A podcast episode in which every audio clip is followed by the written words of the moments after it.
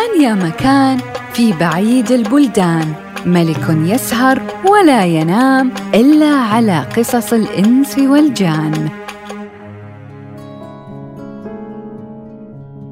بلغني أيها الملك السعيد أنه كان تاجرا من التجار كثير المال والمعاملات في البلاد. قد ركب يوما وخرج يطالب في بعض البلاد فاشتد عليه الحر فجلس تحت شجرة ووضع يده في مخبئه وأكل كسرة كانت معه وتمرة. فلما فرغ من أكل التمرة رمى النواة. وإذا هو بعفريت طويل القامة وبيده سيف دنا من ذلك التاجر. وقال له قم حتى أقتلك مثلما قتلت ولدي. فقال له التاجر كيف قتلت ولدك؟ قال له لما أكلت التمره ورميت نواتها جاءت النواة في صدر ولدي فقضت عليه ومات من ساعته. فقال التاجر للعفريت أعلم أيها العفريت أني علي دين ولي مال كثير وأولاد وزوجة وعندي رهون فدعني أذهب إلى بيتي وأعطي كل ذي حق حقه ثم أعود إليك ولك علي عهد وميثاق أني أعود إليك فافعل بي ما تريد. والله على ما أقول وكيل.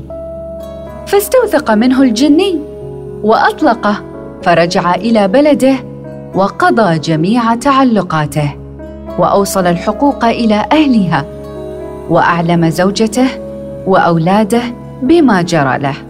فبكوا وكذلك جميع أهله ونسائه وأولاده.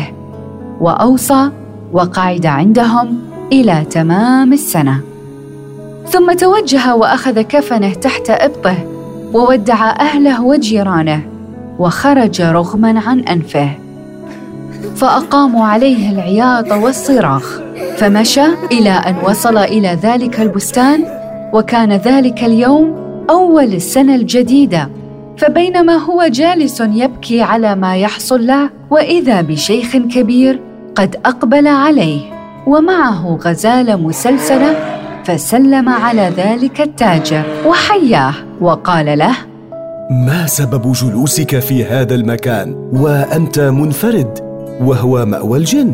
فأخبره التاجر بما جرى له مع ذلك العفريت وبسبب قعوده في هذا المكان.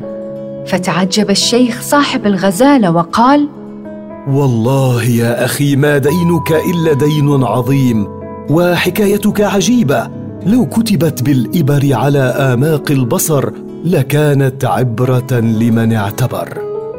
ثم إنه جلس بجانبه وقال والله يا أخي لا أبرح من عندك حتى أنظر ما يجري لك مع ذلك العفريت. ثم إنه جلس عنده يتحدث معه. فغشي على ذلك التاجر وحصل له الخوف والفزع والغم الشديد والفكر المزيد وصاحب الغزالة بجانبه.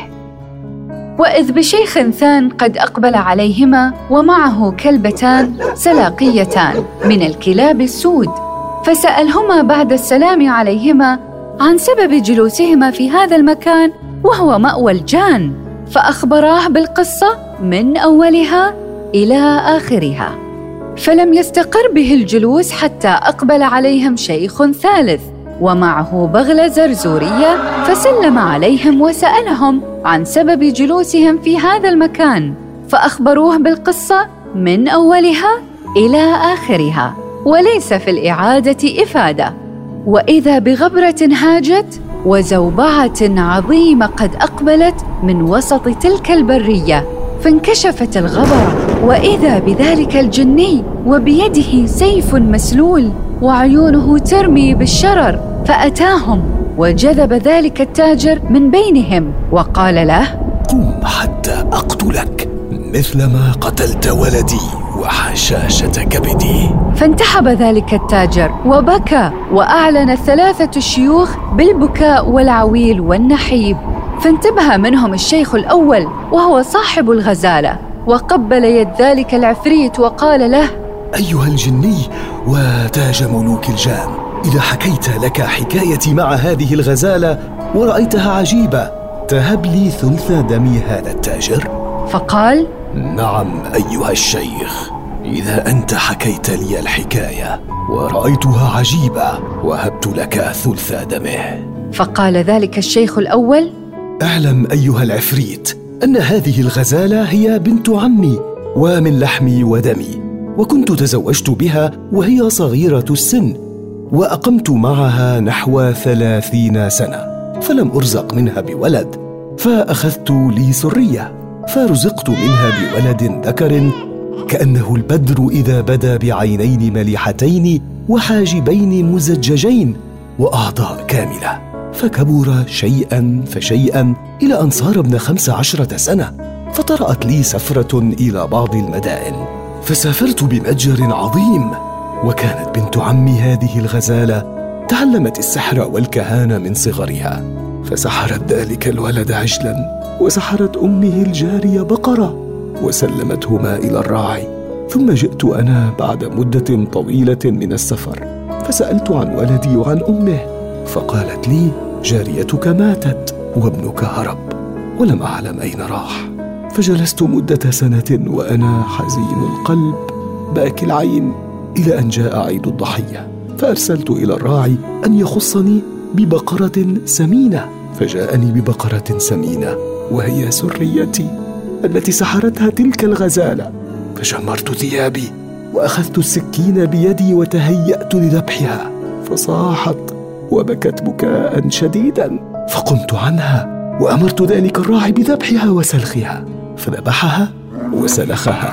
فلم يجد فيها شحما ولا لحما غير جلد وعظم. فندمت على ذبحها حيث لا ينفعني الندم. وأعطيتها للراعي وقلت له ائتني بعجل سمين. فأتاني بولدي المسحور عجلا. فلما رآني ذلك العجل قطع حبله وجاءني وتمرغ علي وولول وبكى فأخذتني الرأفة عليه وقلت للراعي ائتني ببقرة. ودع هذا. وأدرك شهرزاد الصباح فسكتت عن الكلام المباح.